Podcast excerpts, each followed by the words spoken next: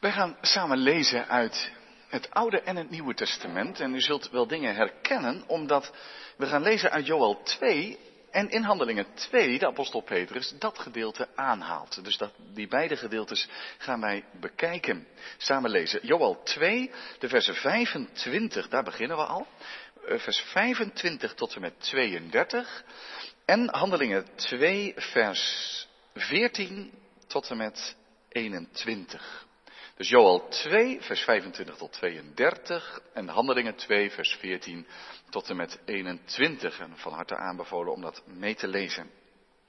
Dan lezen we Gods woord in Joel 2 als volgt, vers 25.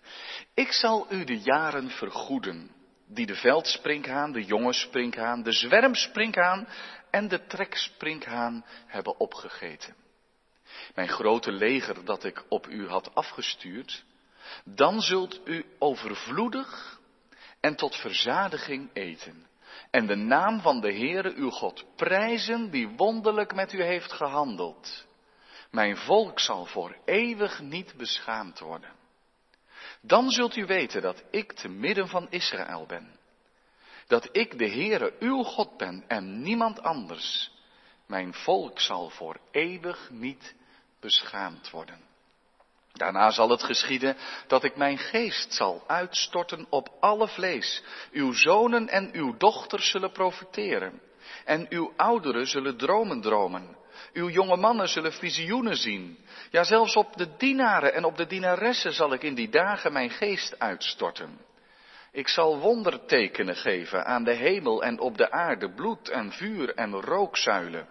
De zon zal veranderd worden in duisternis en de maan in bloed voor die, grote, voor die dag van de Heere komt, die grote en ontzagwekkende. En het zal geschieden dat ieder die de naam van de Heere zal aanroepen, behouden zal worden.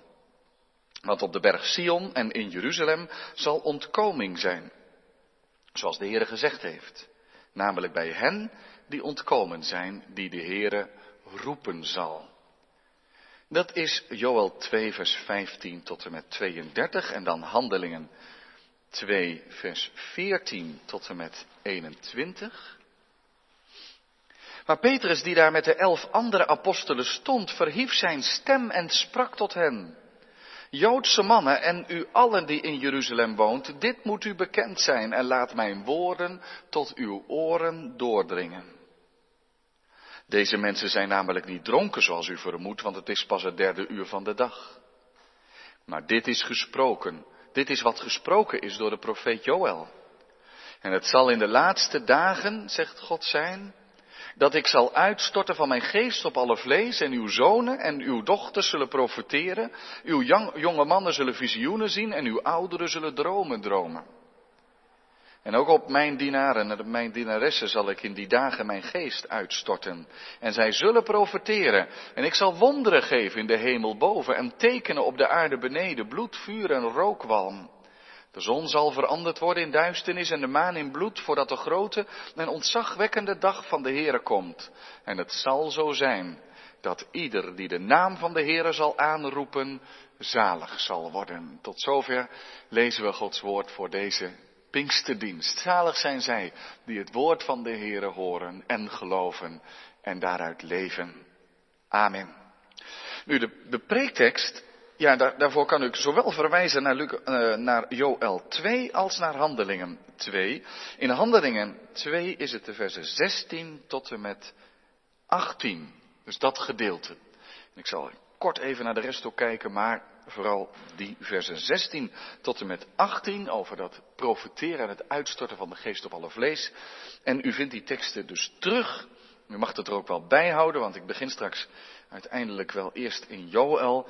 In Joel 2, de versen 28 tot 29. En ik moet daarbij zeggen dat er wel vertalingen zijn die dat hebben staan in um, Joel 3, de versen 1 en 2.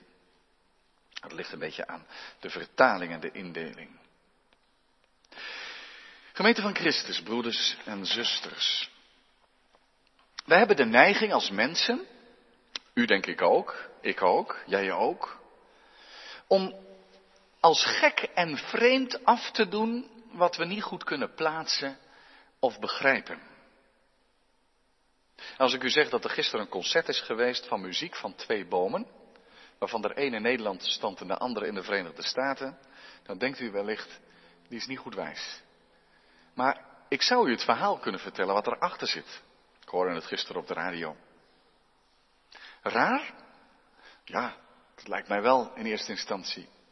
Maar als je dan hoort wat voor verhaal erachter zit en hoe dat dan gaat, dan denk je, oké, oké, er is wel over nagedacht. Het is niet iets heel vaags of iets heel vreemds, gelukkig.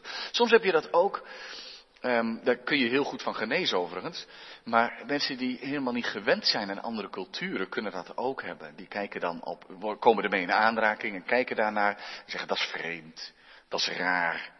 Waarom doen ze dat zo?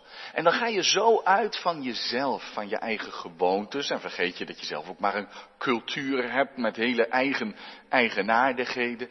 En dan vind je het andere maar vreemd. Dat is toch herkenbaar, denk ik? Fijn en zegen is het als je er wat voor open staat. Dat je nieuwsgierig mens bent. En zeker naar andere culturen of gebeurtenissen dat je zegt, ik moet eerst eens even wat meer daarvan weten voordat ik er een oordeel over heb. Kan ook in het geloof zijn, hè.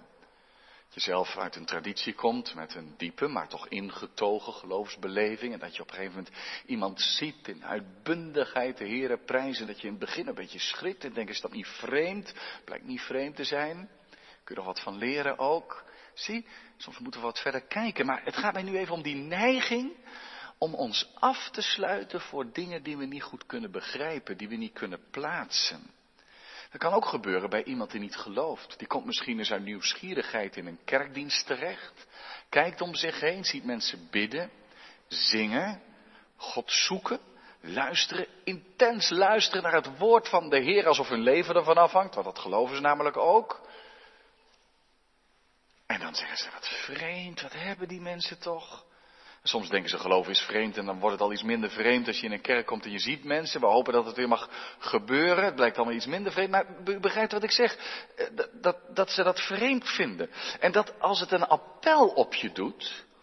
Dus dan vraagt het wat van je. Waar sta je zelf? Wat geloof je zelf?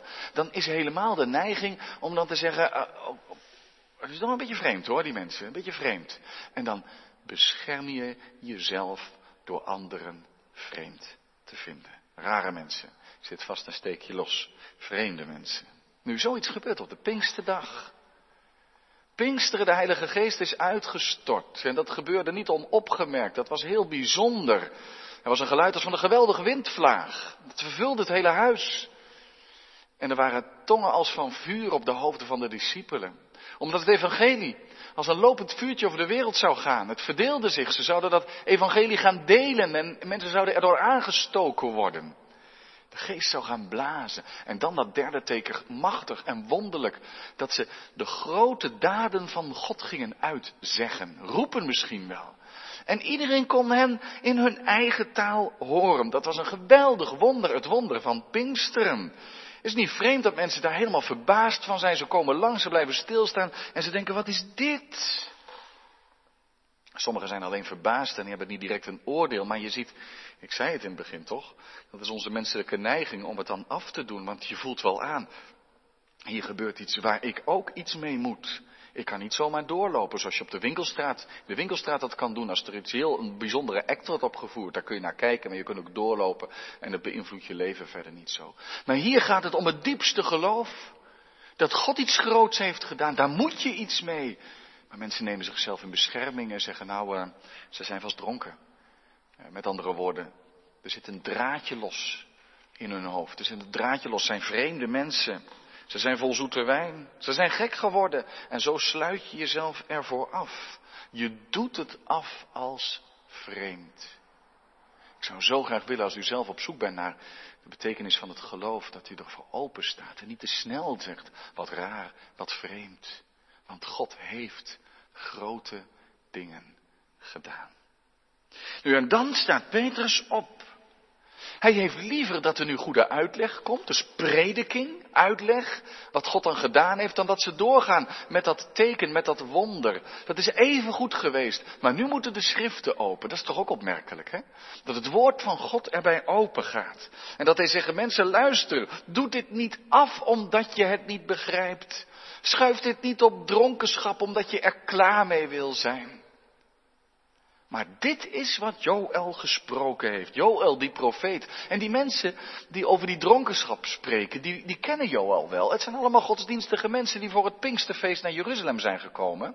Ze kennen de profetieën van Joël wel. En daarom zegt Petrus, mensen, jullie kennen die profeet toch? Jullie weten toch wat hij geprofeteerd heeft? En dat gaat nu vandaag in vervulling. En dan doet hij het woord van God open en haalt hij Joël aan. En dan geeft Petrus uitleg over de uitstorting van de Heilige Geest door de woorden van de profeet Joël. En dat wil ik nu eigenlijk ook doen. Dan zie ik Petrus maar even als mijn grote voorganger, mijn collega. En mag ik dat net als Petrus doen om aan de hand van de woorden van Joël uit te leggen wat Pinksteren betekent. Dit betekent Pinksteren volgens de profeet Joël. En zullen we daarvoor eerst eens teruggaan naar de profeet Joël. Wat een rijkdom, hè? Mag ik u dat tussen twee haakjes ook maar aanbevelen. Wat een rijkdom dat je een hele Bijbel hebt. En dat als het ergens gaat over een oud-testamentisch gedeelte in het Nieuwe Testament, dat je zegt, oh, maar dat kan ik ook opzoeken. En dat doe ik ook even, want dan ga ik vergelijken. Want ik wil de schriften zo graag begrijpen. Ik wil de rijkdommen die daarin liggen graag tot mij nemen. Dus neem ook vandaag de Bijbel en blader terug naar Joel 2 of het begin van 3. Eh, net waar het in uw vertaling staat, maar in onze vertaling hier Joel 2, vers 28 en verder. Nu, ik begon al iets eerder te lezen. In vers 25, daar kwamen we vier sprinkhanen tegen. Wist ik ook niet dat die er waren. Misschien zijn er nog wel meer. Maar er is sprake geweest van een geweldige sprinkhanenplaag in Joël. Er is vandaag de dag nog wel eens sprake van. Ik las het volgens mij deze week nog in de krant dat ze in Afrika, het Midden-Oosten daar, erg last hebben van sprinkhanen. Nou, dat, dat kun je je voorstellen. Want als ze met hele zwermen komen, denk ook maar aan de plaag in Egypte, dan vreten ze alles kaal en blijft er van je oogst niks open. Maar ze beschadigen de planten ook voor het volgende jaar. Het is een drama. Een sprinkhanenplaag is zo ontzettend verwoestend. Maar, zegt Joël, er is iets aan de hand. Het is niet zomaar een ramp. Kijk, en, en dat is bijzonder. Dat die sprinkhanen er waren, dat kon iedereen zien. Helaas wel, ja. Daar kon je niet aan onderuit. Dat zag je. Maar Joël ziet meer. Daar is het een profeet voor. Die werd ook wel eens een ziener genoemd. Die zien meer. Joël ziet onder de leiding van God, die tot hem spreekt, misschien wel in dromen en visioenen. Hij ziet Achter die sprinkhanenplaag zit iets anders. God zit daarachter. Hij geeft een oordeel. En daarom heeft wellicht de profeet het in vers 25 over een sprinkhanenleger. Mijn leger dat ik op u had afgestuurd. God zit daarachter. Want God gaf zijn oordeel om ze wakker te schudden en tot bekering te brengen. En daarom staat er in Joel 2 vers 13 ook een geweldig indringende oproep om je tot God te bekeren. Scheur uw hart en niet uw kleren. Bekeer u tot de Heere uw God. Want hij is genadig en barmhartig, geduldig, rijk aan goede tierenheid. Hij heeft berouw over het kwaad. Dus God gaat niet genietend een plaag over Israël uitstorten. En laat die sprinkhanen de boel daar maar eens uh, vernietigen. Nee, God geeft dat omdat zijn volk bij hem vandaan dwaalt.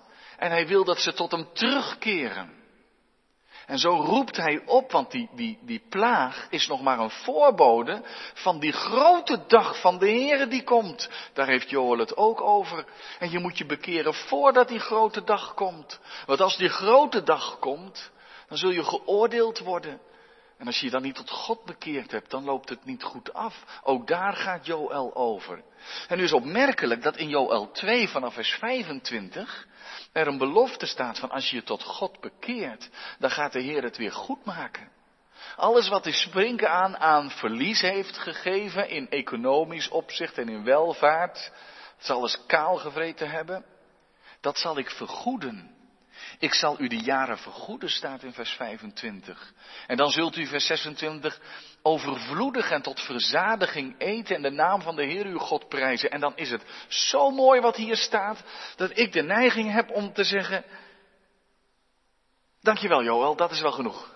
Nou kun je je profetie wel stoppen. Er zou wel een punt kunnen staan achter vers 27. Einde van het boek Joël. Het loopt allemaal goed af. Want die sprinkhanenplaag is voorbij. En, ehm, Er is weer vrede, overvloed, welvaart. De Heer heeft het allemaal goed gemaakt. Echt goed, al goed. Maar dan, maar dan, dan komt er toch nog weer een nieuw stukje. En daar gaat het nou over vanmorgen. Dan komt er een nieuw stukje. Daarna zal het geschieden, zegt Joël. Joël 2 vers 28. Daarna zal het geschieden. Dat ik mijn geest zal uitstorten op alle vlees. Het herstel is het laatste niet. Want zegt Joel, die grote dag van de Heer, die komt wel. Voor heel de wereld komt die. Maar voordat die dag komt, voordat die, die, die, die dag van de Heer, de oordeelsdag komt, die wij ook dat wederkomst van Christus noemen, zal de Heer iets heel overvloedigs doen dan breekt de tijd van de Heilige Geest aan. Daarna zal het geschieden, vers 28, dat ik mijn geest zal uitstorten op alle vlees. Ik zal mijn geest uitstorten op alle vlees. Dat zal de Heere gaan doen. Dat zal hij doen, en als Petrus deze tekst dan aanhaalt, is het heel opmerkelijk dat hij dat via de vertaling doet, die zegt het zal zijn in de laatste dagen. Daarna zegt Joel alleen, Petrus zegt in de laatste dagen. Want dan komt de Heilige Geest, dan is nog niet die dag aangebroken, die komt later, maar dan leven we in die laatste dagen tussen de komst van de Heilige Geest en de grote oordeelsdag van de Heer. Dat zal wel een moeilijke tijd zijn. Denk maar aan al die tekenen van de zon in duisternis, maan en bloed. Bloed, vuur, rookzuilen. Net zoals de Heer Jezus heeft gezegd, er zullen allerlei tekenen van verschrikking zijn, jazeker. Het zal de laatste tijd zijn. Vlak voor de grote ontknoping, die grote dag van de Heer. Maar in die laatste tijd, waar alles heel spannend wordt, het komt er echt op aan. In die laatste tijd geef ik mijn Heilige Geest. Nu, wat zegt Joël, de profeet Joël, over die uitstorting van de Heilige Geest? En waarom haalt Petrus dit gedeelte aan? Om Pinksteren uit te leggen. Nu, dat woord uitstorten, dat is al niet zo heel moeilijk. Net als je een hele emmer water uitstort, dat doe je niet druppeltje na druppeltje, maar het spreekt van overvloed. Dat is duidelijk, denk ik, hè? Nieuwer, heerlijker, anders dan voorheen zal de Heilige Geest, die er ook wel was, maar anders, nu heel rijk met overvloed werken. Want dat heeft alles te maken met dat op alle vlees. Dat is heel belangrijk, daar moet je niet overheen lezen. Daar kon wel eens de kern van deze verse zijn. Op alle vlees. En dat gaat misschien wel terug op een tekst uit nummer 11, vers 29. Dat is een uh, geschiedenis daar met Mozes. Nu, ik ga die geschiedenis niet helemaal herhalen, dat kunt u zelf wel lezen. Maar Mozes verzucht daar, dus hij spreekt het verlangen uit, dat toch maar niet sommigen, maar heel het volk de Heilige Geest zou ontvangen en het woord van God zou kunnen spreken, zou kunnen profeteren. Nummer 11, vers 29. Was toch heel het volk profeten.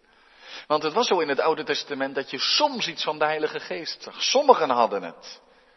Lang niet iedereen, maar, maar Joel de profeet wel, die had van de Heilige Geest ontvangen om het woord van de Heer te spreken, maar daar waren ze helemaal afhankelijk van. Want zelf hadden ze de Heilige Geest nog niet ontvangen. Maar in die nieuwe tijd, zegt Joel, dan zal dat verlangen van Mozes, dat het op alle vlees komt, dat heel het volk zal delen in de Heilige Geest en zal profiteren, dat zal in vervulling gaan. Dus die wens van Mozes, die toen nog een beetje onmogelijk leek, die komt uit. Er komt een tijd dat die wens in vervulling gaat. En Petrus zegt, dat is nu aan de hand. Nu is die tijd gekomen. Op alle vlees. Dat wil zeggen, niemand wordt overgeslagen. Ieder. Zoals in het Oude Testament wel eens dat nieuwe verbond wordt aangekondigd met woorden als en zij zullen allen de Heere kennen allen, omdat de Heilige Geest op alle vlees komt. Dan ben je niet meer afhankelijk. Ja, natuurlijk in die tijd waren de apostelen belangrijk. En in die tijd werden ouderlingen aangesteld en diakenen die leiding gaven aan eh, de leer en aan de liefde. En er waren verschillende bedieningen. En dat was belangrijk. En er waren erediensten, en er waren ambten, en er waren sacramenten. En misschien zegt u wel van ik mis dat zo om naar de kerk te gaan en u heeft groot gelijk. En um, u zegt misschien, wat, wat, wat, zijn wij zonder? En dat is ook zo. Het is, het, is heel, het is heel belangrijk. Het is onmisbaar. Het zijn geschenken van de Heer. En misschien zegt u wel van, ik ben maar blij dat we een predikant hebben. En ik geef u daarin ook geen ongelijk. Dat snapt u natuurlijk. Maar, u bent er niet afhankelijk van. Het gaat hier om het ontvangen van de Heilige Geest door allen. Dat een ieder die gelooft de Heilige Geest ontvangt en geleid wordt door de Heilige Geest. Het hangt niet alleen maar aan sommige mensen die de Heilige Geest hebben ontvangen. De Geest komt op alle vlees. En dat houdt in, zegt Joël dan, dat die zonen en dochters zullen profiteren. Ja, dat mag misschien nog niet helemaal gaan over jonge kinderen, maar, maar waarom niet? Het gaat hier natuurlijk over dat het gebeurt, dat als de mensen, uw zoon en dochter, uw nageslacht, die dan leven. Maar het is niet voor niets dat hier de jongeren eerst worden genoemd en daarna de ouderen. Misschien gaat het dan toch over vrij jonge mensen. En jonge mannen zullen visioenen zien. En daarbij moet ik, moest ik aan dit denken. Ga maar eens iets organiseren wat geschikt is voor jongeren en voor ouderen. Moet je eens doen in de gemeente. Moet je in een activiteitencommissie zitten. En dan krijg je de opdracht om iets te organiseren voor de alleroudste van de gemeente, waar ook de jongeren blij mee zijn. Nou, ik geef het je te doen. Want de interesses zijn anders, de mogelijkheden zijn anders. En natuurlijk vinden we daar wel wat op, maar dat is moeilijk. Nu, de Heilige Geest kan dat. Want die overbrugt elke kloof. En daarom kan het in de gemeente en in de diensten ook. Dan is jong en oud samen rondom het woord wat geïnspireerd is door de Heilige Geest. Wat onder de leiding en door de kracht van de Heilige Geest verkondigd wordt. En wat onder de leiding en zegen van de Heilige Geest werkzaam is in onze harten. Dan worden de generaties overstegen. Dan zal het op alle vlees zijn. Jong en oud. Dan zo mogen we allemaal profiteren. Profiteren gaat het hier over en dromen dromen en visioenen zien. Hoe moeten we dat ons voorstellen? Nu, het is wel zo dat er in het boek Handelingen ook visioenen voorkomen, zoals Petrus die dat visioen van dat laken krijgt wat neerdaalt uit de hemel met reine en onreine dieren. En um, de apostel Paulus krijgt een visioen in de nacht of een droom dat hij naar Troas over moet komen. Dat kan, hè, dat de Heer door dromen en visioenen werkt. Maar hier in Joel is nog wat anders aan de hand. Nog even terug naar nummer 12. In nummer 12 vers 6 zegt, staat er dat de profeten het woord van de Heer kunnen spreken, omdat ze van de Heer dromen en visioenen ontvangen. Maar ze hadden geen Bijbel waaruit ze konden verkondigen. Nee, het is door dromen en visioenen dat ze het zien. Misschien Joel ook wel, die heeft die springhanenplaag gezien. En onder leiding van de Heer ziet hij anders hoe God dit als een oordeel geeft. En daarom spreekt hij het woord van de Heer. En daarom denk ik dat we hier die woorden als dromen, dromen en visioenen niet als iets speciaals, iets aparts moeten zien, maar dat het hoort bij profeteren. Dat je het woord van God onder de leiding van de Heilige Geest spreekt. En weet je wat de hoogste vorm van profetie is? Wat deze mensen in de handelingen 2 deden. Dat ze de grote daden van God verkondigden. Dat is profetie ten top. Dat je onder de leiding van de Heilige Geest het woord van God mag doorgeven aan anderen. Gods boodschap, zijn heiligheid, zijn genade, zijn grote daden uitzeggen en uitzingen. Jongeren en ouderen, ook jongeren. Zie, het moet vandaag, dat mag je toch verwachten, het moet wat gaan tintelen. Tintelen van leven in ons. Ook als je een jongere bent van 15 jaar, 14, 13, 16, 17. Dat je weet, ik hoef niet te wachten tot ik beleidenis ga doen of volwassen ben. Maar dat je het weet, het kan nu al. Dat de Heilige Geest in mij woont en dat ik weet dat mijn Verlosser leeft, dat Jezus Christus de Heere is. En dat ik mag spreken over Hem. Je moet dat niet te veel, dat doe je met andere dingen misschien toch ook niet. Dat je zegt, daar kan ik pas echt over nadenken als ik groot ben later. Dan zeg je, wat, nu al? Dat het geldt ook voor de Heilige Geest. Jongeren, dromen dromen, gezichten zien, visioenen. Dat wil zeggen dat je vol bent van wie God is. Dat je erover spreekt met elkaar. Dan mogen mensen denken, die heeft een draadje los. Die is een beetje vreemd en ze sluiten zich daarvoor af. Maar mensen die zich ervoor openstellen, die mag je gaan vertellen dat dat van de Heilige Geest is. En dat je Heilige Geest je ertoe brengt om de Heer Jezus te beleiden. Allemaal profiteren. Jongeren, maar ook ouderen. Misschien denkt u, ja, dat, dat, klinkt allemaal wel heel levendig. Ik herken dat niet, ik ben oud. En, maar het kan ook nog voor u. Dat het gaat leven. Dat het niet alleen maar uit gewoonte en bijgelovigheid is dat u naar de kerk gaat. Dat schuif ik u ook niet in de schoenen. Hè? Misschien is het wel levend en tintelend, dat kan. Maar het kan. Het kan echt. Dat ook die ouderen nog niet uitgedoofd zijn, zegt Joel. Maar als de geest komt, dan zullen zij er ook in delen in de vreugde van de geest. In het wonder van Gods genade. En dan ga je ook spreken voor je kinderen en je kleinkinderen. Zoek de Heer en leef, want de Heer is goed. Dan deel je het, dan mag je erover spreken. En zelf zegt 29, ik zei toch dat de geest de kloven overbrugt. Zelfs op de dienaren en dienaressen vertaalt dat rustig met slaven en slavinnen. En als in handelingen 2 dat woordje mijn ervoor staat, mijn dienaren en dienaressen, moet je dat niet uitleggen als van dat zijn degenen die tot geloof gekomen zijn. Nee, dan heeft de Heer zoveel bewogenheid met slaven en slavinnen dat hij ze mijn slaven en slavinnen noemt. Ze zullen bij mij horen. En in het Nieuwe Testament blijkt ook dat er heel veel slaven tot geloof komen en een groot deel van de gemeente uitmaken. Nou, wij vinden dat niet vreemd. Bij ons tellen standen niet zo. Maar vroeger was eh, België ook een standaardmaatschappij in heel West-Europa. De een was hoger dan de ander, duidelijk. En in die tijd was het ook zo. De een was vrij en eigen baas en de andere was in dienst en een slaaf. Maar de Heere zegt dat maakt voor mij niet uit. Voor mij is ieder gelijk dan horen die slaven en slavinnen er ook bij. Die delen er niet alleen in, maar die ontvangen zelf de Heilige Geest. Waardoor er een soort kleine revolutie plaatsvond in het Nieuwe Testament. En ook vanuit die slaven en slavinnen er waren die de belangrijkste taken hadden in de kerk. En als je vrij was, was je niet belangrijk, want je moest allemaal vrij worden door de genade van de Heer Jezus Christus. Alle vlees. Ongeacht wat je achtergrond ook is. En Peter zegt dat gebeurt nu. Drie, die profetie van Joël zien wij nu in vervulling gaan. En daarmee is Pinksteren het begin van het einde. Dat zou je ook eens moeten onthouden.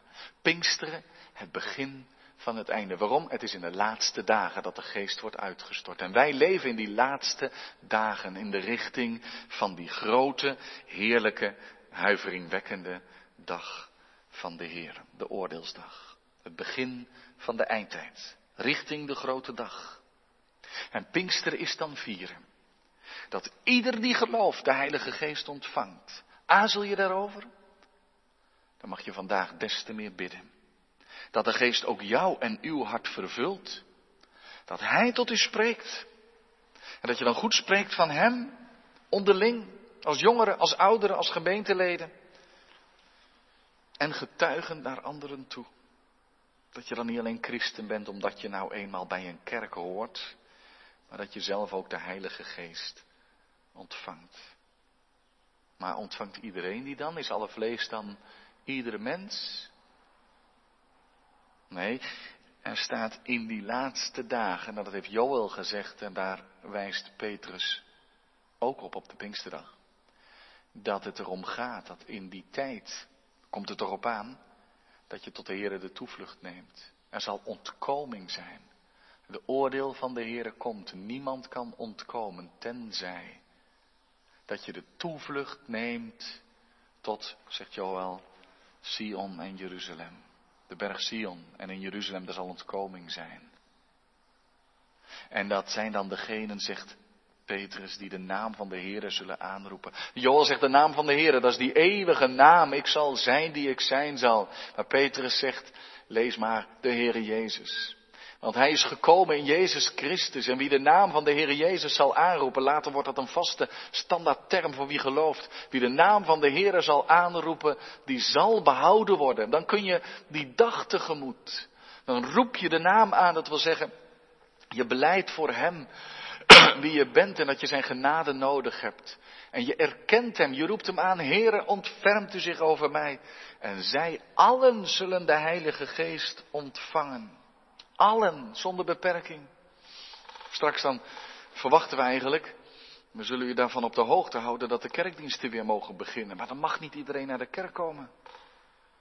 En dat past zo niet bij de kerk dat we moeten zeggen, nou nee, we moeten maar weinig.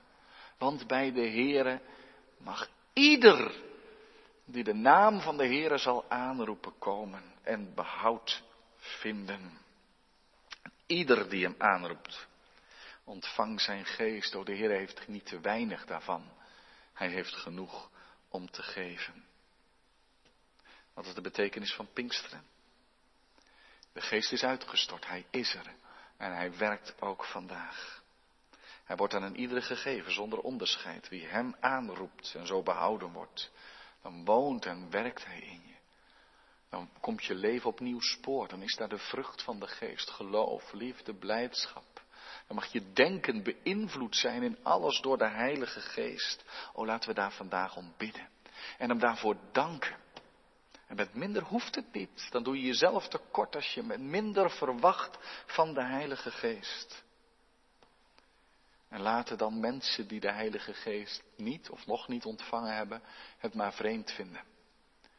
En zeggen, wat hebben die mensen toch dat ze zo blij zijn over Jezus van zo lang geleden? Nee, zeg je Jezus van vandaag. Ah, dat is vreemd. Dat is vreemd. Dat mensen Jezus volgen, dat is vreemd. Er zit vast een draadje los. In die tijd zouden ze zeggen, ze zijn vol zoete wijn.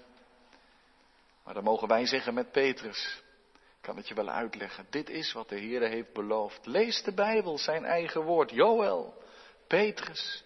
Maar die geest werkt ook vandaag. En ik heb hem ontvangen. En u en jij kan hem ook ontvangen. Dan ga je de naam van de Heer aanroepen. Dan ga je Jezus beleiden als Heer. Dan ga je God dienen. En dan mag je weten, die, die grote dag aanbreekt. Dan ben ik vrij, bevrijd en veilig. Dan mag ik bij de Here zijn. Daar gaat het naartoe. Dat is Pinksteren.